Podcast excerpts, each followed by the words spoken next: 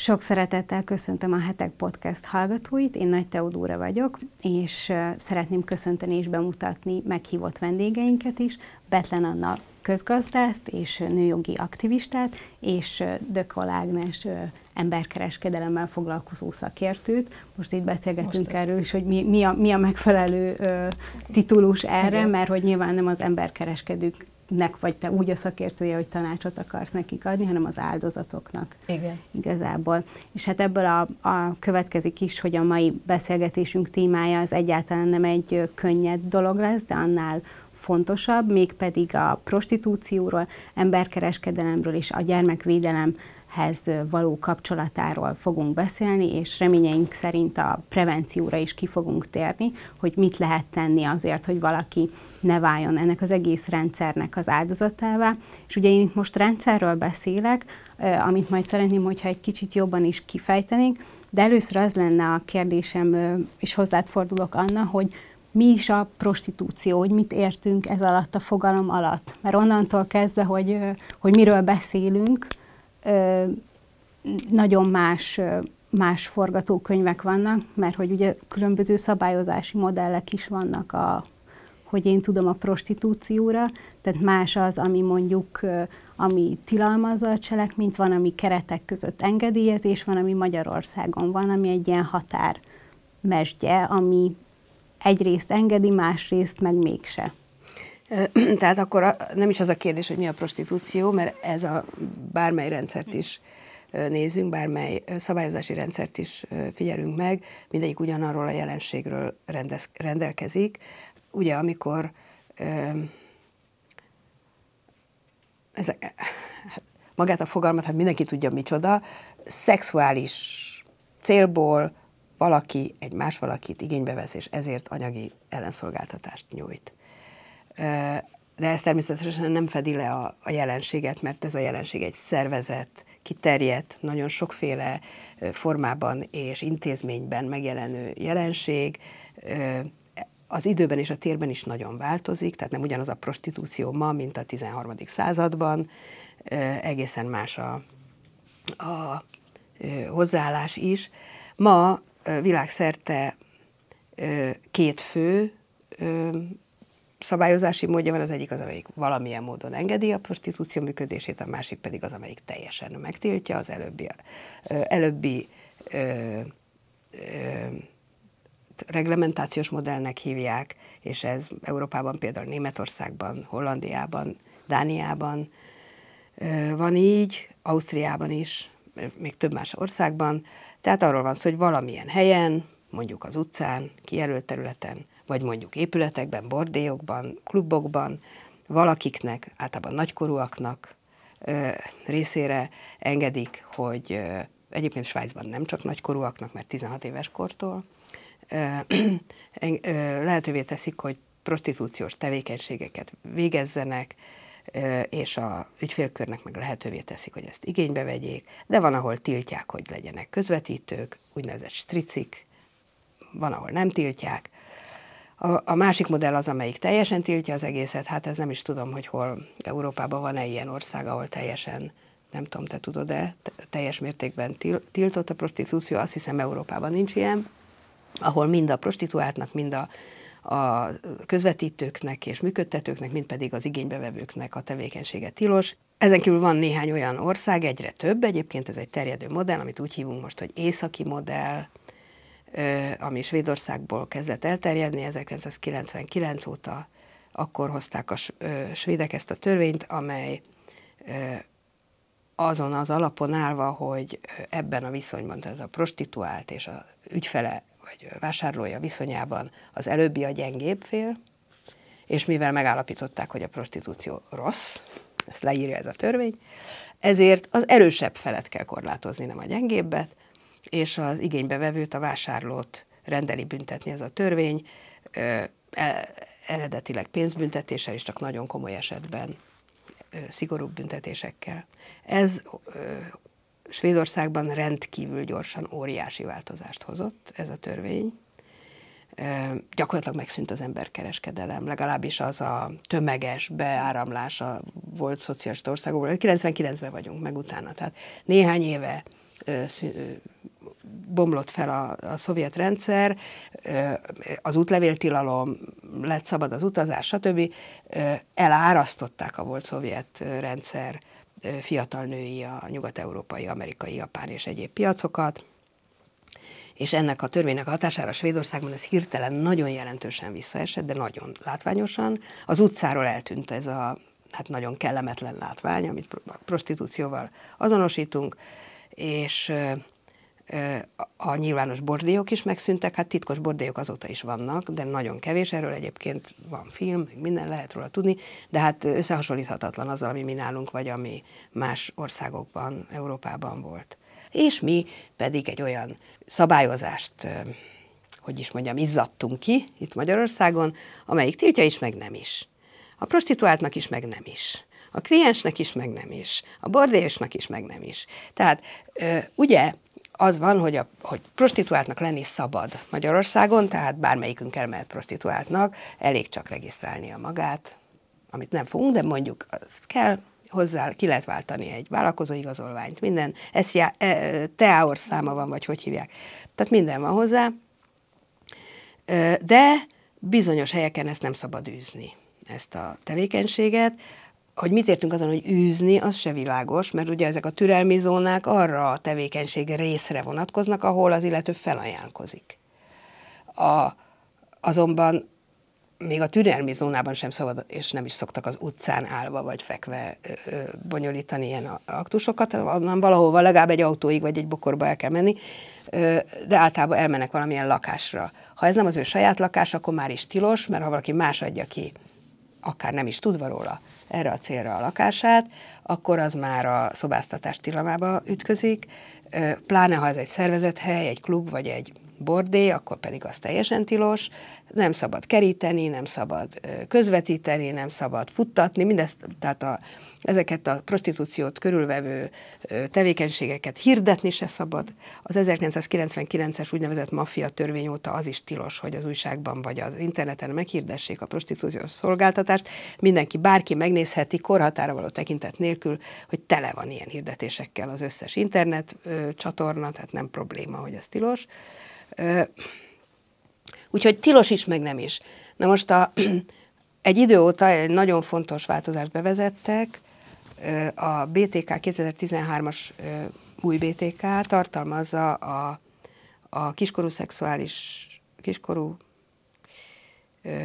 gyermekprostitúció kihasználása című tényállást, ami nem csak a gyermeket prostituáló szervezők tevékenységét tiltja, hanem a vásárlóét is.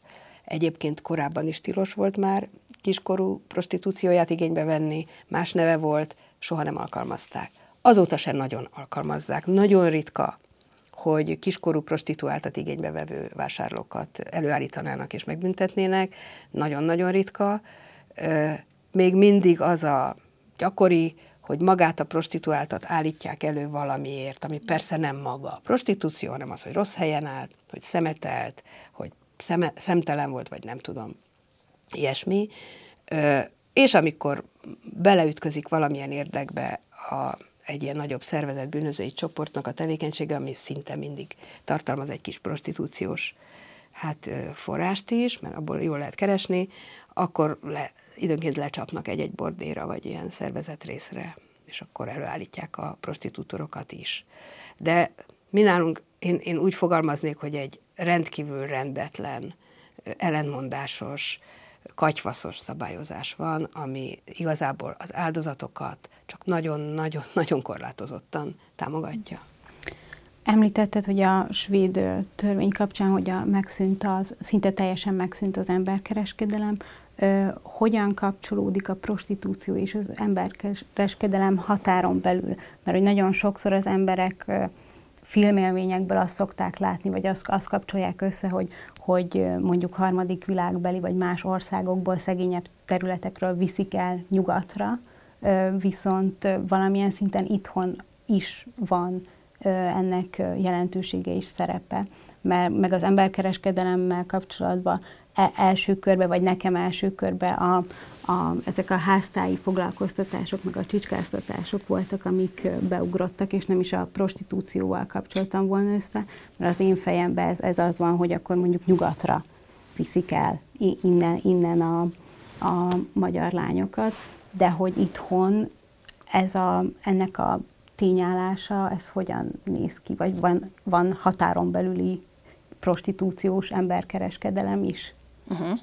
Tehát ugye az emberkereskedelem, az, annak a tényállása sokat változott az utóbbi időkben, de hogy, hogy az a változás a legfontosabb, hogy, hogy nem arra kell gondolni, hogy ez egy adásvételi aktus mindenáron, ami, ami létrejön, hanem hogy ez egy kizsákmányolási folyamat. És a kizsákmányolási folyamatnak az egyik fajtája a szexuális kizsákmányolás, a másik fajtája pedig a munkacélú kizsákmányolás, hogyha jogi értelemben akarok róla beszélni, de hogy természetesen sok minden egyéb is ide tartozik, mint ahogy, mint ahogy említetted a csicskáztatást, ezt a házkörüli rabszolgaságnak szeretem hívni, de hogy valahol ez is a, a munkacélú kizsákmányolásnak a tényállása alá tartozik, mert hogy ugye ez egy, ez egy úgynevezett dolgoztatás a, a másik embernek a háztartásban, vagy a ház körül, vagy a, vagy, a, vagy, a, vagy a földeken, vagy a birtokán annak az embernek, aki, aki dolgoztatja a másikat. De hogy ide tartozik a koldultatás is például. Tehát, hogy, hogy, hogy itt, itt, itt ezek azok az emberek, akik az emberkereskedők, azok a stricik, akik a futtatók, tehát hogy azt is mondhatom, hogy a, hogy a koldusoknak is van futtatója, a, a prostituáltaknak is van futtatója, e, azoknak az embereknek, akiket munkára toboroznak, és aztán nem fizetik ki őket, és lehetetlen körülmények között élnek, azoknak is van egy úgynevezett menedzsere, mert hogy, mert hogy, mert hogy így ö, nevezik egymás között magukat, hogy menedzser de hogy ez a strici, és aztán, hogy most ez pont egy prostituáltal foglalkozik, és egy szexuális szolgáltatásról beszélünk, vagy emberkereskedelem esetében szexuális kizsákmányolásnak, az már egy másik kérdés, és természetesen igen élénken jelen van az országon belül is. Tehát, hogy ennek nincsen köze ahhoz, hogy hogy itt, eh, hogy itt van-e ebben egy utazás, vagy nincsen. Tehát, hogy az a lényeg, hogy megvalósul egy kizsákmányolási folyamat. És ez lehet egy alkalom, de lehet egy egész hosszú időszak.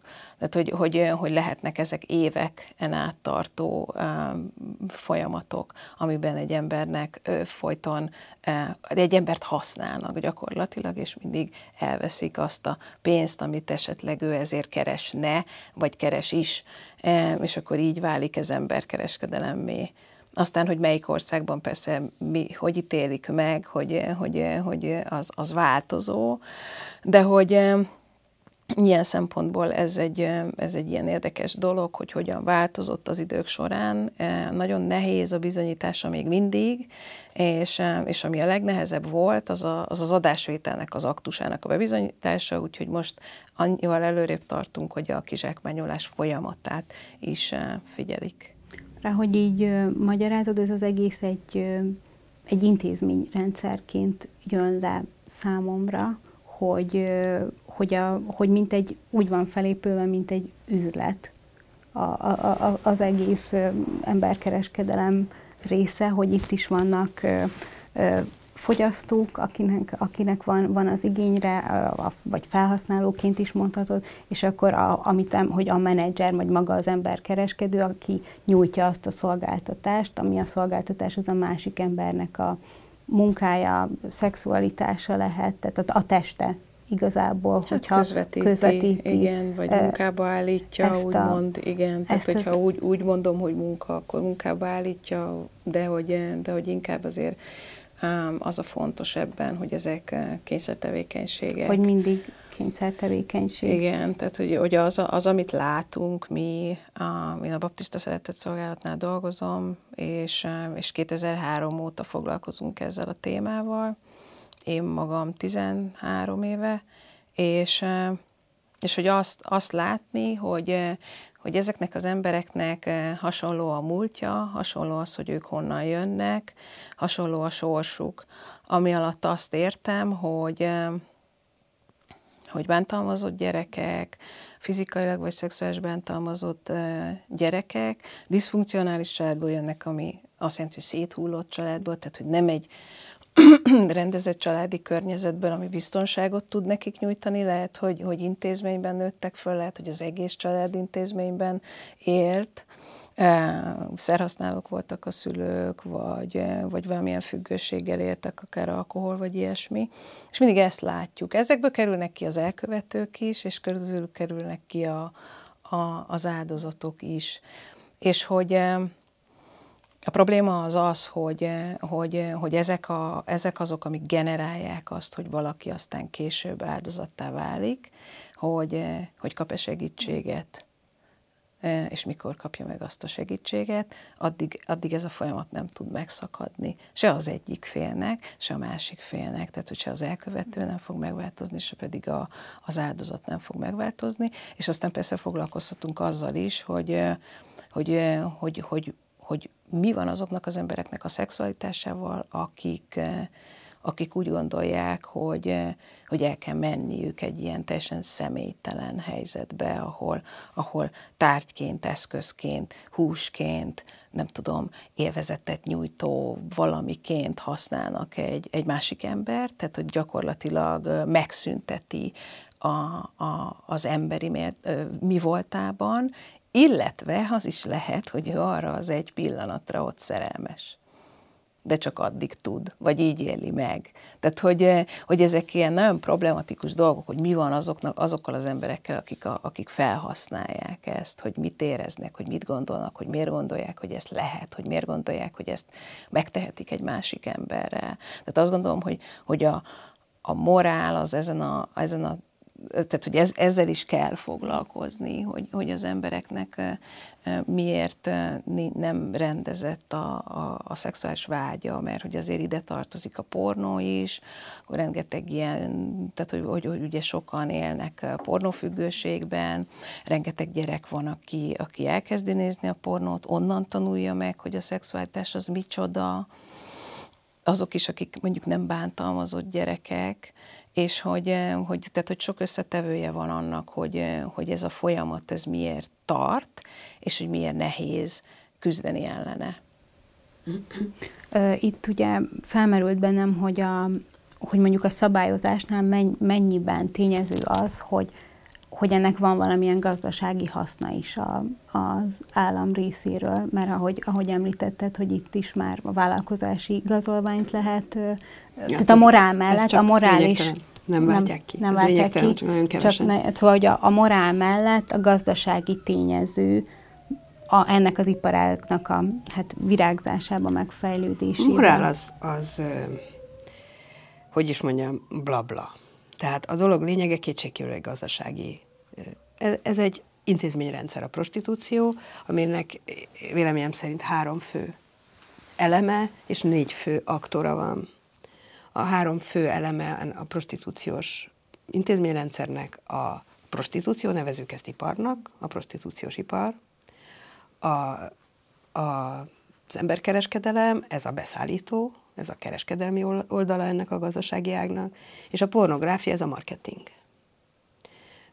A pornográfia egész iparága teremti meg mind a keresletnek az igényét, formálja, alakítja, változtatja, fejleszti, mint pedig a rendelkezésre álló kínálatnak a minőségét is. Ők is ugyanígy a hatása alatt vannak, ők is innen tudják meg, vagy ha nem maguk nézték, akkor majd a futtatójuk megnézte és bebizonyította, megmutatta neki, rákényszerítette, hogy hogyan kell ebben viselkedniük az ő szerepükben. Ez a pornográfia az, ami normalizálja, az egész társadalom számára elfogadhatóvá és normálissá teszi azt a fajta szexuális magatartást, amit az előbb az Ági leírt. A gyerekek, a, ma, már, ma már minden kutatás azt mondja, hogy 11 éves gyerekek gyakorlatilag mind néznek, vagy néztek már pornót, tehát a legalábbis nagy részük. Ö, innen fogják megtudni, hogy, hogy mi az, hogy szex. Komoly munka lesz leépíteni magukban, ha esetleg le akarnák építeni azokat a, a, a, a késztetéseket és, és elméletben már megtanult gyakorlatokat, amiket a pornóban láttak.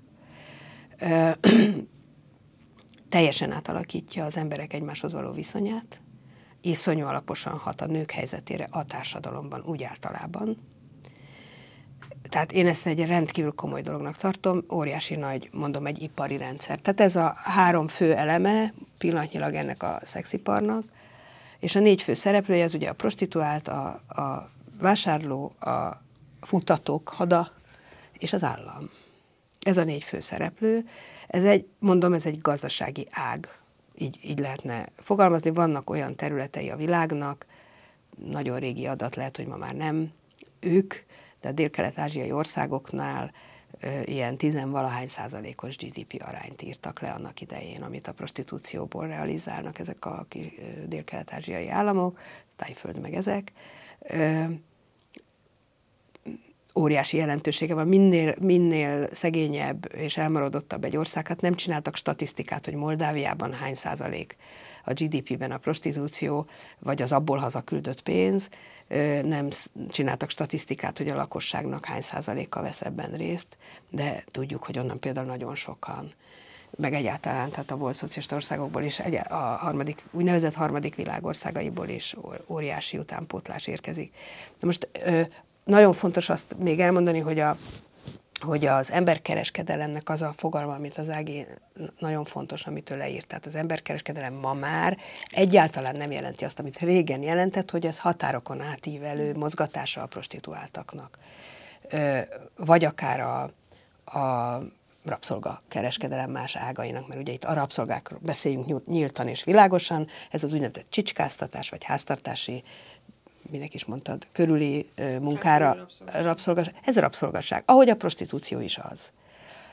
De még valamit szeretnék árnyalni azon, amit az Ági mondott. Nem csak az a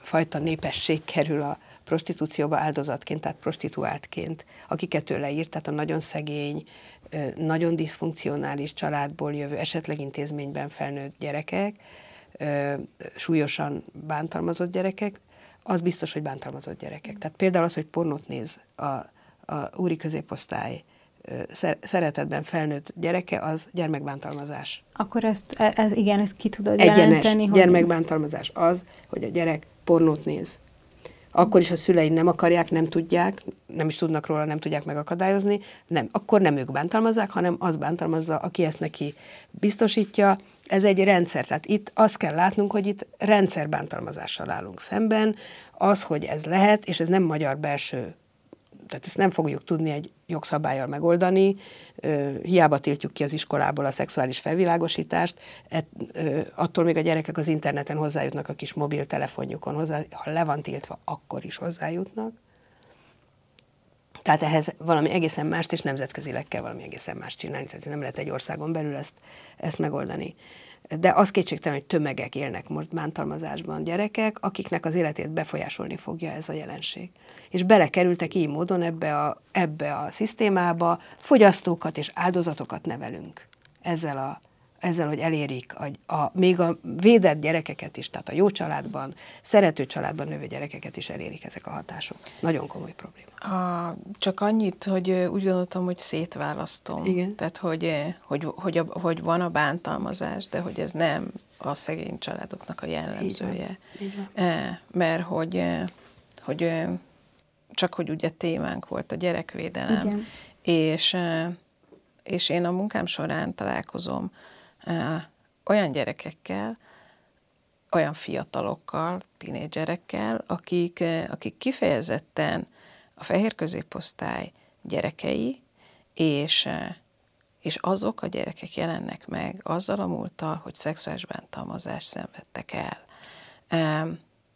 Együtt dolgozunk a rendőrséggel, nyilván sokat beszélgettünk különféle esetekről, és a szexuális bántalmazásnak az áldozatai, akik gyerekkorban, óvodáskorban ezt elszenvedik, azok kifejezetten ez a réteg.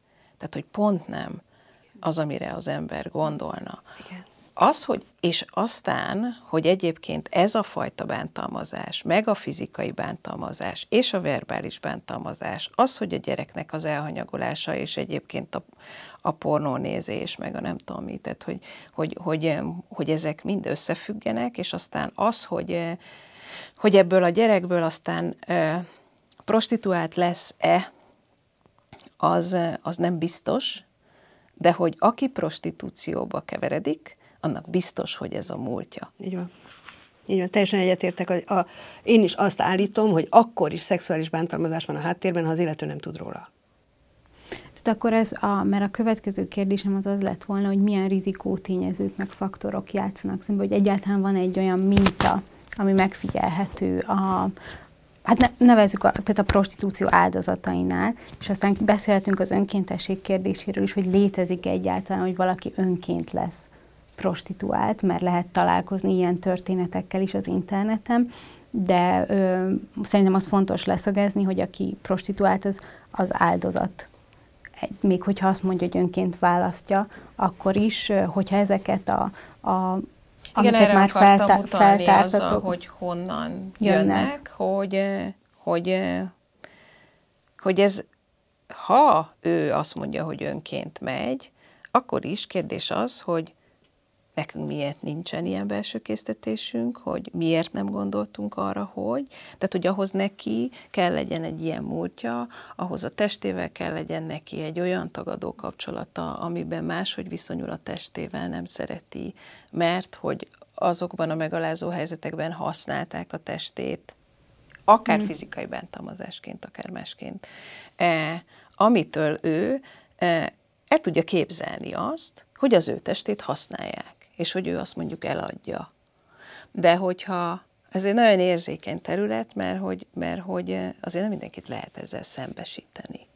Tehát, hogy, hogy, hogy aki aktívan prostitúcióban él, ahhoz nem lehet tudom menni, és azt mondani neki, hogy hát mert ezek neked a gyerekkori ilyen-olyan problémáid.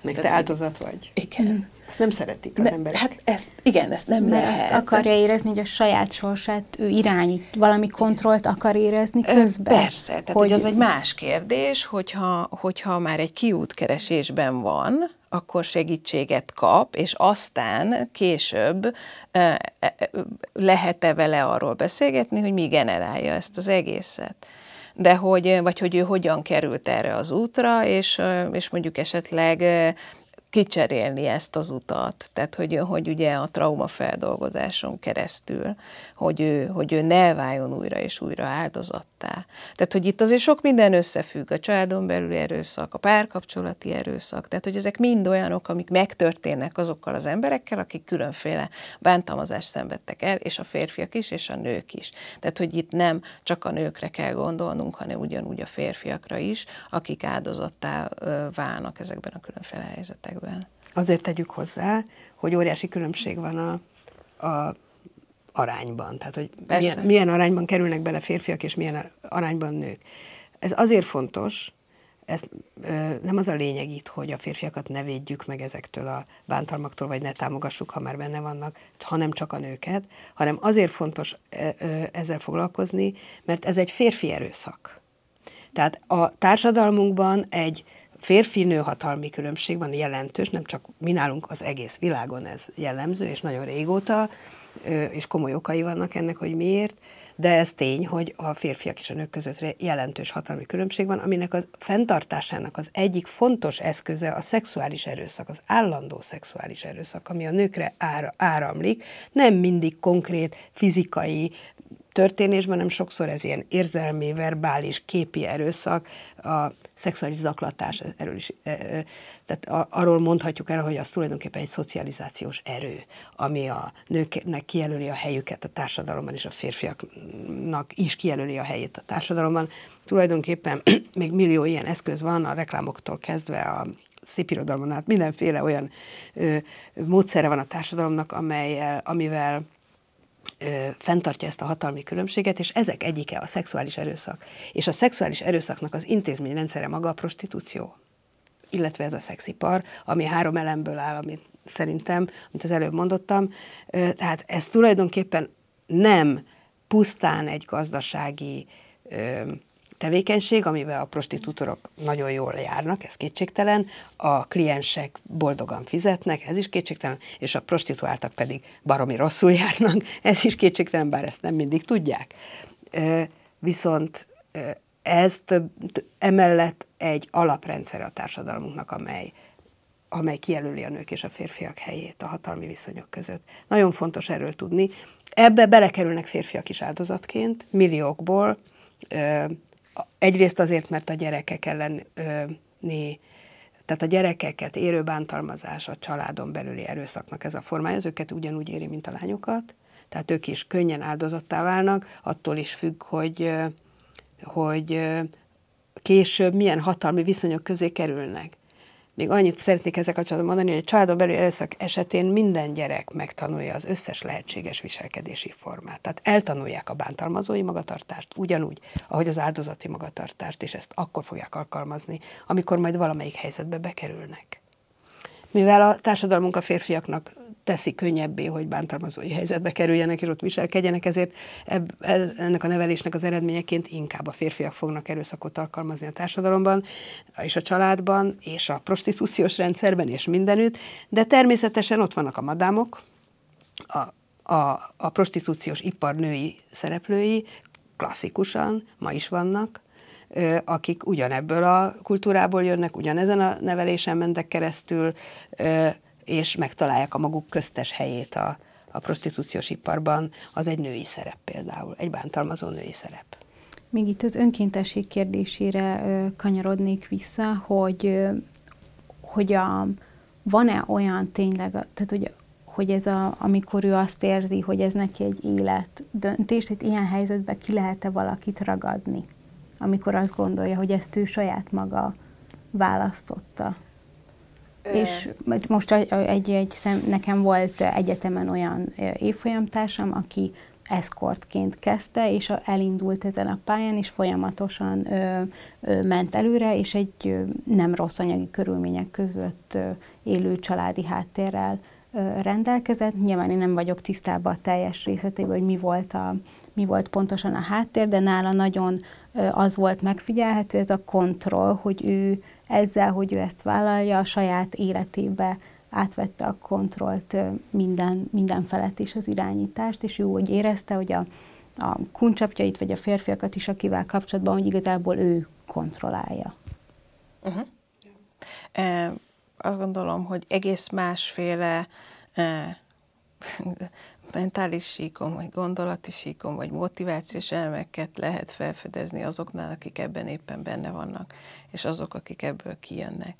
Tehát az, hogy, hogy amit az előbb mondtam, hogy, hogy, hogy aktív helyzetben ő nem fogja azt mondani, hogy ő megveti ezt a dolgot, vagy hogy, vagy hogy ő ezt azért csinálja, mert hogy a testével nincs kapcsolata. Tehát, hogy, hogy amiben ő van, azt ő neki saját maga számára érhetővé kell tenni, hogy ne omoljon össze.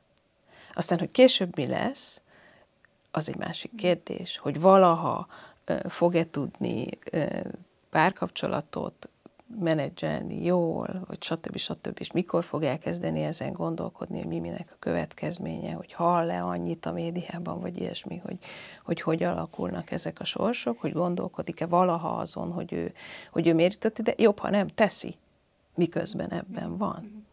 Mert akkor összeomlik. És olyan bajt okozhat, hogy, hogy hogy aztán nem biztos, hogy az, az, az ott abban a helyzetben. Tehát, hogyha ő hoz egy döntést, hogy ezt nem akarja már, akkor az egy másik kérdés. De hogy azért más a narratíva, mm. vagy, azért, vagy azért gondolhatják azt az emberek, hogy tehát ő azt mondta, hogy ez neki jó meg ő akarta, persze, tehát hogy erről szól az utcai szociális munka is, meg, a, meg, ez, a, meg ez az egész ilyen kezdetleges dolog, hogy, hogy, hogy azok, akik aktívan ebben benne vannak, azoknak a bizalmába férkőzni, hogy aztán egyszer csak eldöntse azt, hogy ha megnyílik, akkor mindjárt azzal a lendülettel ki is kerüljön ebből, mert hogyha benne marad, akkor az megöli. Hogyha szembesül azzal, hogy, hogy, hogy ő mit csinál, vagy hogy mi az, amit tesz magával. Én is interjúztam több prostituáltal idők során. Akik benne voltak, azok igen. Azok, hát általában nem is mondták el, hogy, hogy ne, vol, ne ők maguk akarták volna. Hát olyan is volt köztük három, most ebben a legutóbbi tanulmányban három gyerek prostituáltal volt alkalmam interjút készíteni, akik éppen voltak egy nevelő otthonban, és mindegyik azt mondta, hogy ezt ő magának találta ki. 14 évesen én, én döntöttem úgy, és én akartam. És én csináltam, és egyedül én csináltam, és én, én utaztam ki Svájzba, és én szereztem engedélyt, és én ö, kerestem hamis út, mi a személyigazolványt vettem a piacon, és hát, ö, szóval felnőttekkel is interjúztam, és azok is azt mondták, sőt olyan is volt, hogy megkerestek engem egy cikkem után, hogy de tévedek, mert ők önkéntesek. Tehát így lett két olyan ismerősöm, akik így kerestek meg egy, egy cikk után, hogy én tévedek, mert ők önként csinálják.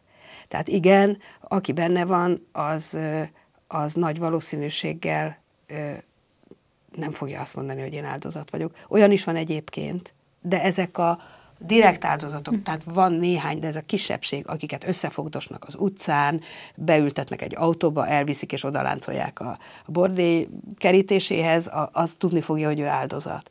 Aki, aki jelentkezik egy babysitter munkájára, és utána leütik a repülőn, és beviszik egy bordélyházba, az tudni fogja, hogy ő áldozat. De akit ezen a groomingon, ezen a megtévesztésen, ezen az elcsábításon keresztül vontak be, akinek tulajdonképpen manipuláció útján telenyomták a fejét azzal, hogy ezt te akarod, ez neked jó. Az, az addig, amíg csinálja, addig ezt el fogja hinni. És ezért nagyon érdekes, hogy visszautaljak arra, amit az Ági az elején mondott, nagyon érzékletesen, és egy nagyon fontos kérdést vetett föl, hogy azok a férfiak, akik használják ezeket, azoknak miféle szexualitásuk van, és mit gondolnak magukról. Most fordítsuk ezt egy kicsit tovább, és nézzük csak meg ezeket az elegáns prostituáltakat, akik boldogan mosolyogva, csinosan, szép szállodába, vagy nem tudom én, magánlakásban fogadják, egyedül, no, semmiféle stricinek nyoma nincs. Ők maguk is úgy tudják, hogy nincs striciük. Ja, van egy barátom, aki segít szervezni. Vagy még az sincs, hanem hát, mint egy webáruházban, ugye úgy kerül a piacra ő maga, tehát ő csak azt látja, hogy hirdettem, és jelentkeztek. Ő nem tudja, hogy a kettő között ott van egy szervezőtársaság, akik leszedik a pénznek egy részét. És tehát azt akarom mondani, hogy oda bemegy ez a kuncsaft, és mit lát? Egy, hogy is elkezd uh, girlfriend feeling, tehát az az egyik ilyen, amit szeretnek elérni, hogy mintha a szerelmem lenne, a barátnőm lenne. A szere- és akkor ott fogadja őt egy kedves csaj, kávéval, tejával, izé, és és még élvezetet is tud eljátszani. Tehát az egész tényleg úgy néz ki, mintha minden legnagyobb rendben lenne, és ez tényleg önkéntes, és élvezi, szereti csinálni. Öröme van benne. Hát akkor miért ne? És akkor még jönnek az ideológiák, hogy a feleségemet is én tartom el. Hát az, az se ingyen csinálja. De igen, hogy most itt egy kicsit az, a, az áldozat oldalról átmentünk a fogyasztóira, hogy a fogyasztónak mik lehetnek a motivációi, mert ezt is fontos látni abban, hogy ebbe, ebbe az iparágba, tehát a kereslet is szüli azt, hogy, hogy legyen, mert nyilván, hogyha a kereslet nem, le, ha igény nem lenne rá, akkor ilyen szinten nem lenne általános. Semmilyen szinten nem lenne. Akkor semmilyen szinten. Igen, csak annyit szeretnék hozzátenni, hogy egy kicsit ahogy mondod, az pont azt engedi az embernek hozzáképzelni, hogy ez olyan, mint egy színház. Mm. Hogy a kirakatba eljátszuk azt, hogy mennyire jól vagyunk, mint ahogy a Facebookot is teletöltjük ezekkel a csodálatos életképekkel, hogy mennyire jó minden, és utána hazamegyünk, és akkor depressziósan ülünk, és magányosan, és nem tudom. Tehát, hogy, hogy hogy igen, ismerek én is ilyen nőt, aki úgynevezetten luxusprostituált, és, és akkor ő abban hajtja magát, hogy meg tudok venni ilyen autót, el tudok utazni oda, és kivel mész? Hát egyedül. Tök egyedül van. És tehát folyamatosan tréningelnie kell magát, hogy nekem ez jó. Nekem ez jó, én így akarok élni, hiszen meg tudom venni a drága dolgokat, hiszen nem tudom micsoda azok, akik mondjuk Svájcban, bordéházakban, vagy Németországban, ezekben a bárokban vannak, és, és például aktív prostitúcióban részt vesznek, a, a szegényebb rétegből, azok, azok is ebben a, csak segítsége van a stricitől, hogy ebben az önáltatásban van, hogy, hogy de hát milyen jó ruháim vannak, mindenem megvan, mondja is neki a strici, mit az mindened megvan. De hogy, aha, egészen addig, amíg ő ezt csinálja, és akkor utána egy nellonzacskóval el tud menni egy fél pár papucsa, hogyha ez neki nem tetszik. Tehát, hogy a jólét az pontosan addig tart, amíg, eh, amíg ebben a hídben él valaki, hogy, eb, hogy ez az övé, meg hogy ez valami vagy hogy ezzel ő megválthatja a boldogságát, vagy a jólétét. De hogy azt gondolom, hogy, hogy nagyon érdekes folyamatokat is behozhatunk a gyerekek kapcsán, például a kortás bántamazást, például az, hogy hogyan rivalizálnak a gyerekek egymással, hogy beviszi valaki a pornóújságot, vagy a pornót, vagy a nem tudom, és akkor kiröhögi a másikat. Ő te azt se tudod, hogy mi az, vagy nem láttad még? és akkor ő ettől kisebb lesz, vagy kirekesztett lesz, tehát akkor alkalmazkodnia kell ehhez. Akkor ab még mindig szűz vagy általános iskolába, és akkor elkezd valaki azon gondolkodni, hogy húha, akkor ő nem fog tudni beletartozni ebbe az egészbe. Tehát, hogy azt gondolom, hogy egy csomó olyan folyamat van, ami mind a bántalmazás, de hogy ez lehet a kortás bántalmazás is a generálója ennek.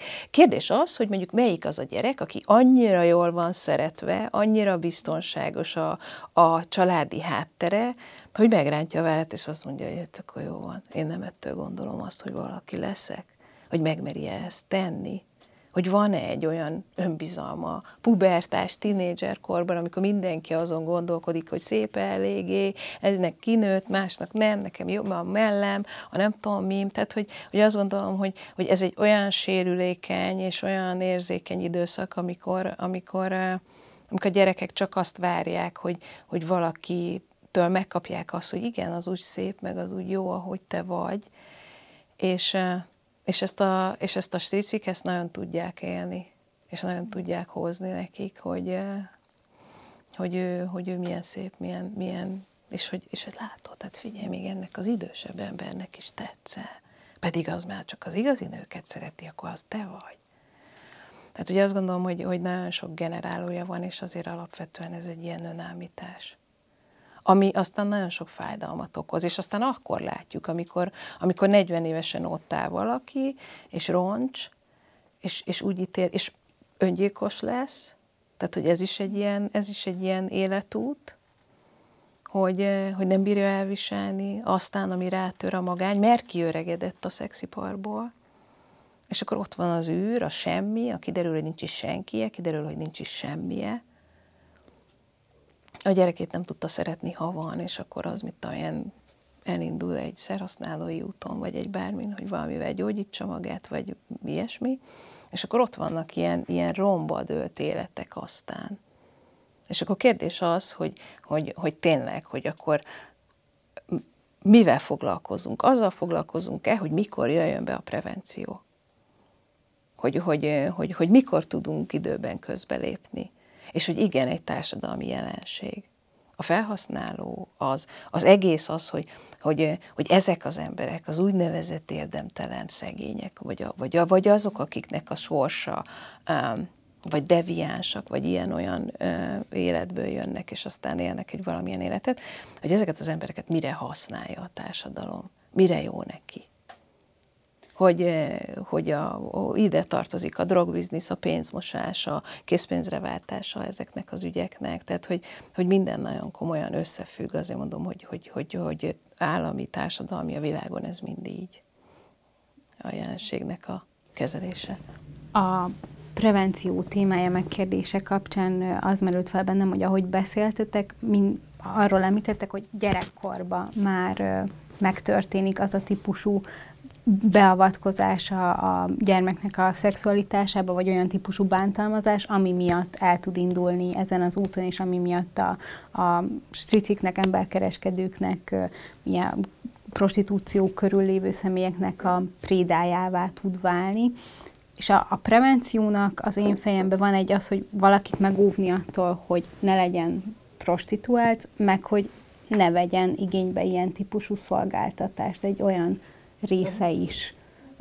És ez mind a kettő, abból, amit eddig felvázoltatok, ez nagyon korai gyerekkorba kell kezdődnie, Igen. ahogy én látom, és nem tudom, hogy ti tudtok-e bármilyen olyan törekvésből, ami ami ilyen irányba mutatna, hogy akkor ilyeneket, és akkor itt még nem is említettük azt, hogy a gyermekotthonok körül milyen intézményrendszer van, ami direkt arra megy rá, hogy, hogy levadásza ezeket a sérült és kiszolgáltatott gyerekeket, hanem csak általánosságban, hogy a, az ország területén élő gyermekekről, akikről nagyon sokszor nem tudjuk, hogy mi van otthon, mert nincsenek erről információk, hogy az államnak van-e olyan bármilyen törekvése, hogy ilyenkor beavatkozzon, hogyha a szülő, a család nem tudja megvédeni, meg megóvni, akkor ő valahogy ezt a prevenciót alkalmazza. Um, tehát sokféle dolgot érintettél most, Igen. és, és hogy, hogy prevenciós kezdeményezések, programok vannak, igen, mm. projekt alapon, nem része a, a NAT-nak, uh-huh. tehát hogy, hogy, a, hogy az oktatásban természetszerűleg nem jelenik meg, de hogy, de hogy nekünk is vannak ilyen programjaink, másokról is tudom, hogy, hogy, hogy, hogy mennek iskolákba, csinálnak ilyen prevenciós programokat, és igen, az intézetekbe, javítóintézetekbe, gyerekotthonokba is folynak ilyen programok. Az, hogy hogy, hogy, hogy egy kicsit azt gondolom, hogy, hogy a beavatkozásra mikor van szükség, vagy hogy valaki ne legyen prostituált, az, az azért nagyon bonyolult mm. ahhoz, hogy, hogy ezt, ezt, ezt, ezt, hogy ezt hogy kell elkerülni. Um, rengeteg, rengeteg tájékoztatás és rengeteg edukáció szükséges ahhoz, hogy, és érzékenyítés, hogy az emberek mm. megértsék mindkét oldalon, hogy ez micsoda, a felhasználó is megértse. Az, hogy valaki ne váljon áldozattá, akármilyen bántalmazás áldozata, az akkor el, amikor megszületik. Tehát, hogy, hogy nem tudjuk ezt eléggé hmm. időben elkezdeni, mert hogyha az ő szüleinél nem történt egy korrekció, akkor ők ő, ő fogják hordozni tovább ezt a dolgot, és rakják rá a gyerekükre. Tehát az, hogy hogy, hogy, hogy sokféle betegség van, amit, ami, ami, ami, amit gyógyítani kell, és hogy mikor lépjünk be, az egy, az egy nagyon, nagyon komplikált dolog, de hogy persze lehet, lehet ilyen, ilyen, ilyen nagyon célzott prevenciót is csinálni, és, de hogy azt gondolom, hogy, hogy edukálni kell az egész társadalmat arról, hogy hogyan értelmezze a a szexnek az árulását. Tehát az, hogy, a, hogy szexet venni lehet, vagy, vagy pornót nézni lehet, azok az emberek, akik ott vannak, azok tulajdonképpen mit csinálnak, mi történik velük. Az, a, a szexualitásnak az egészséges módját, hogy meg tudják-e tanulni, hogy egyáltalán szeretnék-e, hogy merre viszi el a, a mainstream, tehát hogy azért eh, rengeteg ponton lehet beavatkozni. Egyetértve, én azt gondolom, hogy állami feladat találunk mm. szemben alapvetően, tehát most kicsit ugyanazt mondom, mint te, csak sokkal határozottabban. Ez állami feladat. Persze. Tök jó, hogy civil szervezetek egyik-másik itt-ott iskolába csinál egy-két programot. Nagyon kevés hatásfokkal, tehát néhány gyereknél vagy néhány tanárnál elérnek valamit, hogy de hát ezt nem így kell csinálni. Ez állami feladat, ezt igenis a legalább az óvodától kezdve. Rendszeresen. Minden korosztálynak az ő korának megfelelő szexuális felvilágosítás, nevelést kell nyújtani, a kicsi gyerekeknél az én testem, és nem nyúlhat hozzá más bizonyos helyeken, tehát ez a bugyi szabály, meg az ilyesmi, ezt egész pici gyerekektől kezdve kötelezően csinálni kéne, erre ki kéne képezni a nevelőket, hogy ezt tudják alkalmazni, erre módszertan kéne, didaktika, hogy hogy kell minden, ha már egyszer mm, kötelező óvodáztatás van, akkor ez, ennek ott kéne lennie hamarabb, mint a, mit tudom én, rajzolni tudásnak. Mm ez nem csak arra való, hogy a gyerekek meg tudják magukat védeni, mert a igazi predátorral szemben nem tudja megvédeni magát, de arra viszont jó, hogy jelezni tudja, hogy náluk, náluk nincs minden rendben és segítséget kérjen. Tehát ha kicsi gyerek már tudja, hogy az, ahogy őt érintik, az nem helyes, akkor fog tudni szólni és akkor már ott be lehet avatkozni, ha a nevelők föl vannak rá készítve, hogy mi a teendő ilyenkor, mert ez a másik oldala ennek a bizonyos állami feladatnak, ott, ahol felszínre hozunk egy problémát, ott azonnal el, ellátást is biztosítani kell hozzá, szakszerű ellátást. Ez valóban nagyon bonyolult, tehát nem fog egy ilyen ö, kattintásra ö, megoldódni, de azonnal el kell kezdeni ezen dolgozni. És így tovább. Az óvoda felső csoportjaiba, tehát a nagycsoportosoknál már az egyenlőségen alapuló párkapcsolatnak az eszméjéről szólni kell. Valamit tudniuk kell a gyerekeknek arról, hogy nem ö, ö, helyes az, ami egyébként mondjuk a népmesékből árad, hogy tudnéli a cserfes asszonyt jól elverte a, a férj, és akkor minden rendbe jött, és akkor nem plegykál tovább. Ugye mindannyian ismerjük. Persze, Ez az alapvető népmese kincs, és az óvodától kezdve nyomjuk a gyerekek fejébe, hogy az asszony verve jó. Hát ezeket például mondjuk meg szabad nekik mutatni ezeket a meséket, de legalább beszéljük meg utána, hogy ez azért nem így van. És ugyanígy a jól elverte kis Bencét, igen, végzett, igen. végződésű dalt is, el szabad énekelni, de beszéljük meg. És így tovább.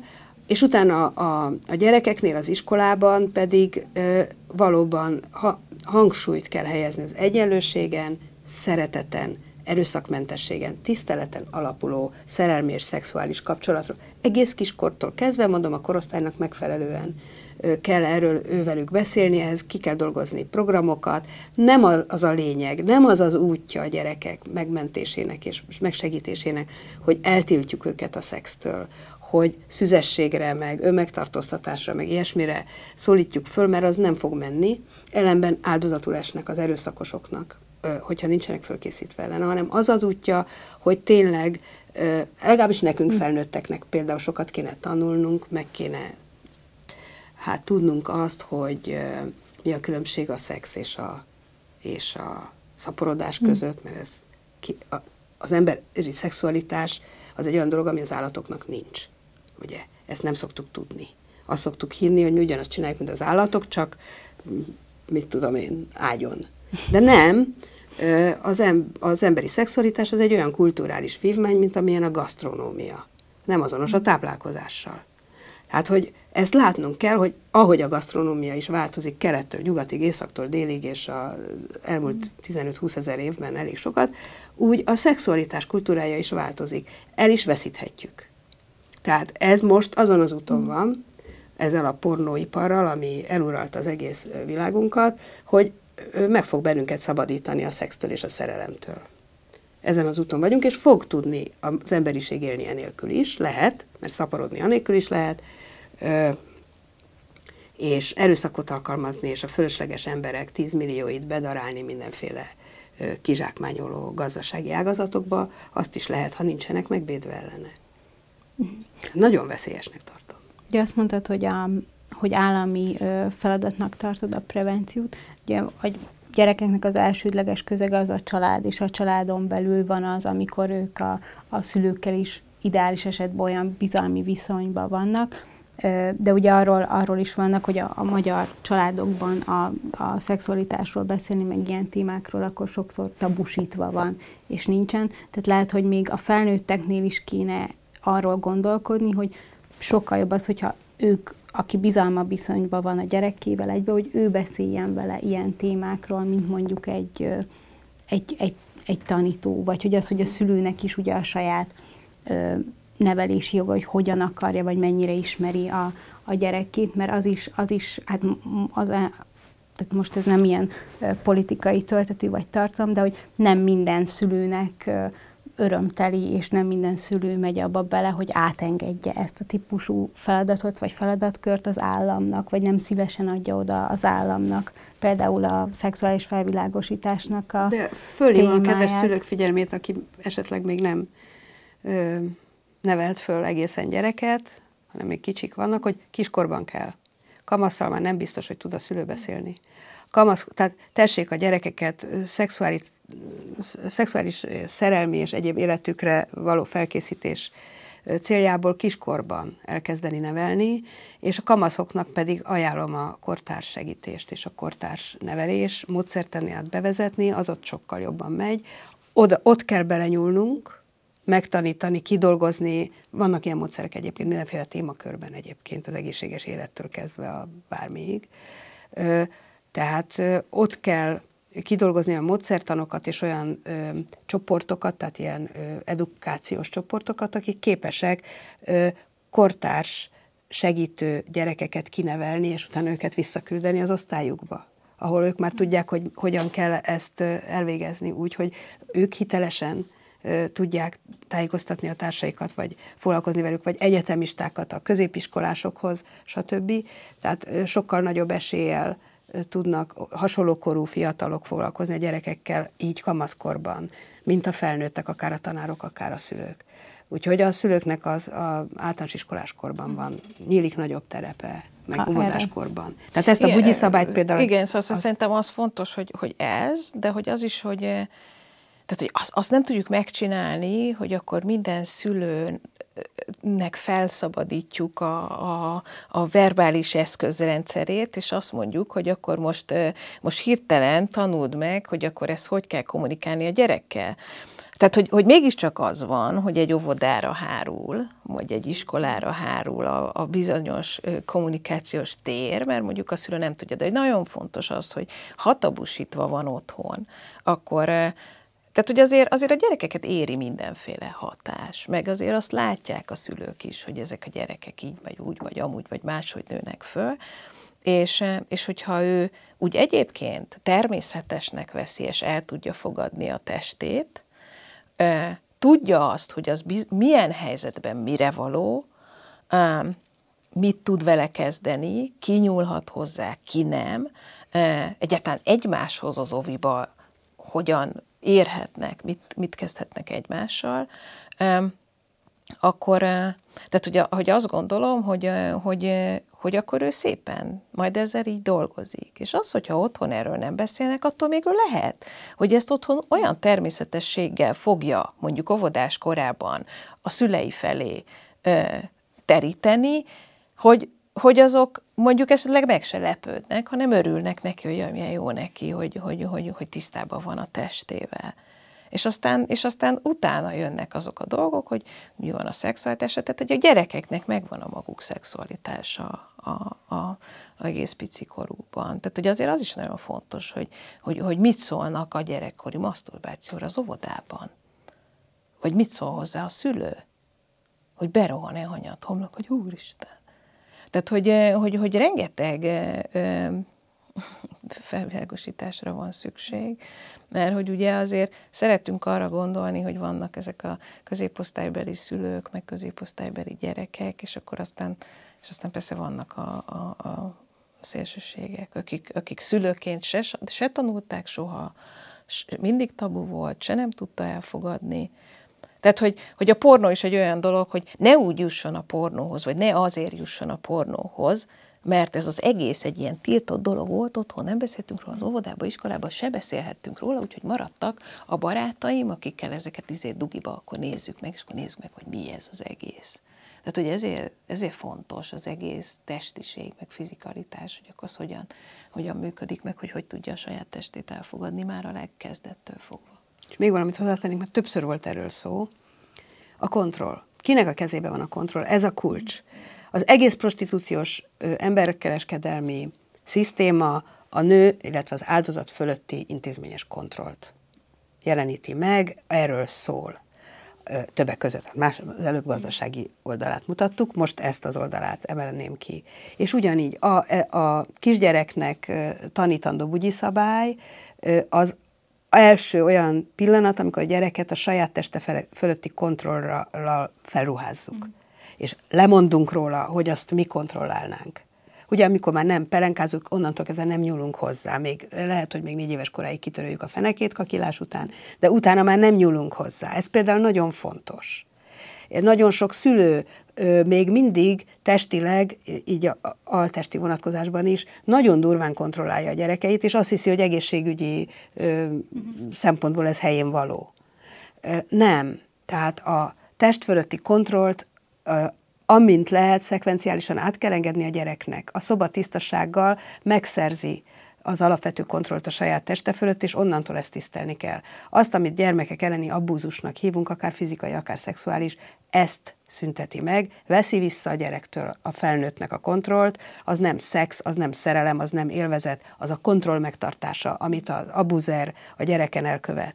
És ez az a folyamat, ami aztán tovább folytatódik, ami tulajdonképpen megfosztja a gyereket attól, aztán már a fiatalt, hogy a saját testének az ura legyen, ő legyen a legfőbb haszonélvezője és élvezője a saját testének, amit te mondasz elfogadásnak nevezed ugyanez, birtokolni a saját testemet, vele élni együtt, nem elválni tőle, mert nem mások használati terepe, hanem az én testem. Ezt ebben a kiskorban kell a gyerekeknek ö, megszerezniük, vagy megtartaniuk, nem elvenni tőlük, és utána ez egy nagyon fontos dolog. Az a gyerek, aki, és az a társadalom, amely olyan gyerekeket nevel, akik bírják a saját testük fölötti kontrollt, az egy demokratikus társadalom lesz. Mert azok a gyerekek maguk fölött ö, meg fogják akarni tartani a hatalmat és nem fogják átengedni autoriter vagy, vagy terrorista szervezeteknek. Tehát ezért én ezt a szexen és az iparon túlmenőleg is nagyon fontosnak tartom, hogy, hogy ez ne vesszen el. Az egész prostitúciós ipar tulajdonképpen egy alárendelt, erőszakos társadalmat ö, szolgál és tart fenn. Most a, ez a minden mindennel összefügg, és, és tényleg egy, egy rendszer látszik kirajzolódni az egészből onnantól kezdve, hogy egy gyerek elindul az élete útján, és bekerül különböző öm, családokba, infrastruktúrákba, intézményekbe, és, és történik vele valami, valami rossz, és emiatt bekerül a, a, ezekbe a prostituáló körökbe. Az lenne itt még a végén a kérdésem, hogy valami pozitívummal is zárjuk, mert ennek a beszélgetésnek mondtam az elején is, hogy ez nem egy könnyed típusú beszélgetése volt, és, és nem, nem olyan témákról beszéltünk, ami emelkedett hangulat lenne, de hogy a problémát azt felvázoltuk, és több szempontból is megközelítettük, mind az áldozat, mind a fogyasztó, mind az állam oldaláról, hogy milyen megoldás lehet, milyen megoldási dolgok, a prevencióról is beszéltünk, hogy egyáltalán ezt, ezt hogy önmagában az is már a megoldás fele vezető út az, hogy mi erről beszélünk, és az emberek figyelmét felhívjuk erre, azt is, hogy a, a prostituáltat áldozatként lássák, és ne úgy, mint aki egy üzletágat visz, vagy, vagy csinál. Tehát, hogy ne, ne higgyük el ezeket az önként választott típusú ö, mantrákat, és, és igen, annak is menjünk utána, hogy a, a pornó hogyan ö, alakítja át az egész gondolkozásunkat, ízlésünket, hogy miért lesz valaki fogyasztó is, mit, mit lehet, igazából az lenne a kérdésem, hogy mit lehet tenni akár átlagemberként azzal, hogy ez a, a hely, vagy ez a helyzet egy kicsit megszűnjön és jobb legyen. Most az hogy a realitás talaján, tehát hogy az, hogy egy olyan jogszabályt elfogadnak, ami beszünteti a prostitúciót, azt nem érzem teljesen a realitásnak, de hogy mi, mint átlagemberek mi mit tehetünk ennek Azt eh, érdekében. gondolom, hogy, eh, tehát ugye, hogy fontos az, hogy beszéljünk arról, hogy van kiút, mert hogy eh, emlegettem ugye azt, hogy, hogy amikor valaki ebből kikerül, akkor, akkor mi történik, és hogy, hogy a, a kiút az az, hogy, mint ahogy emlegettük is, hogy léteznek emberkereskedelmi áldozatok számára, áldozatok számára védett szálláshelyek.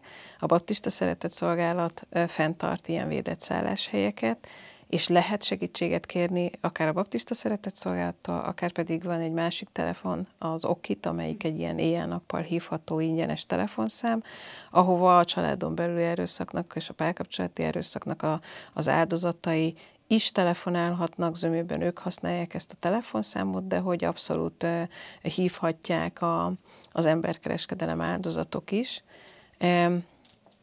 És ez az okit, a 06 80 20 55 20 telefonszámon, és, és hogy a hétköznapi emberek is ugyanezeket a, a forrásokat vagy fórumokat kereshetik, akár a szeretett szolgálatot, hogy, hogy jelezzék azt, hogyha valaki bajban van.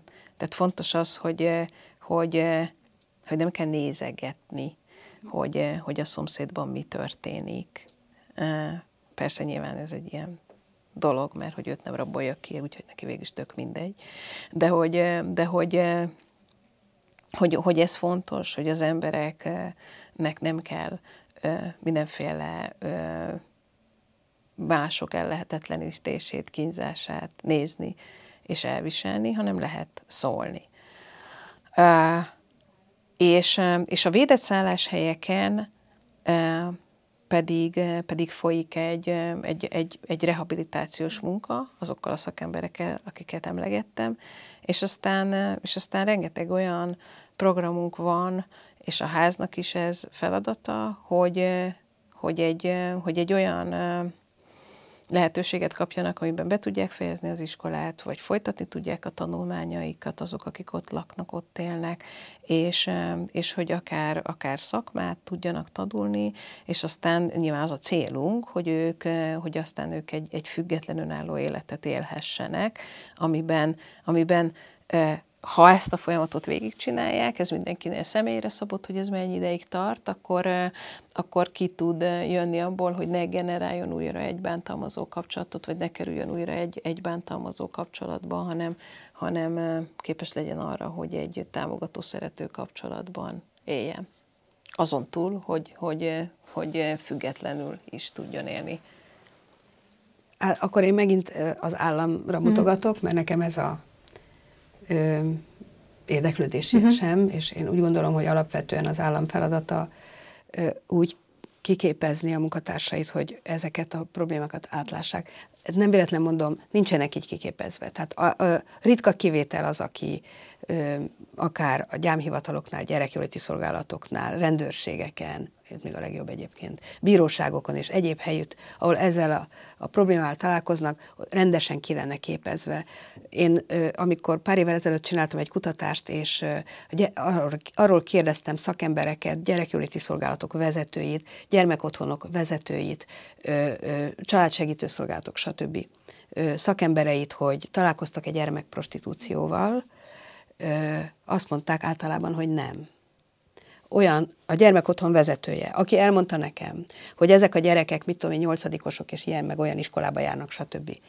Majd elmondta, hogy ugyanezek prostituáltak. Azt mondta, hogy nem találkozott gyermekprostitúcióval. Mert ez nem véletlen, a magyar szakmai közvélemény azt gondolja, hogy gyermekprostituált az, aki pici. Tehát egy korábbi vizsgálat alapján minisztériumok, országgyűlési képviselők, egészségügyi szakemberek, stb. keresztül sok mindenkit kikérdeztünk, és arra a kérdésre, hogy hol a határ a gyermek és a felnőtt prostituált között, senki nem tudott válaszolni. Egy rendőri vezető volt, aki elgondolkozott, fölállt, leemelte az akkori BTK-t, és azt mondta, hogy 18 év!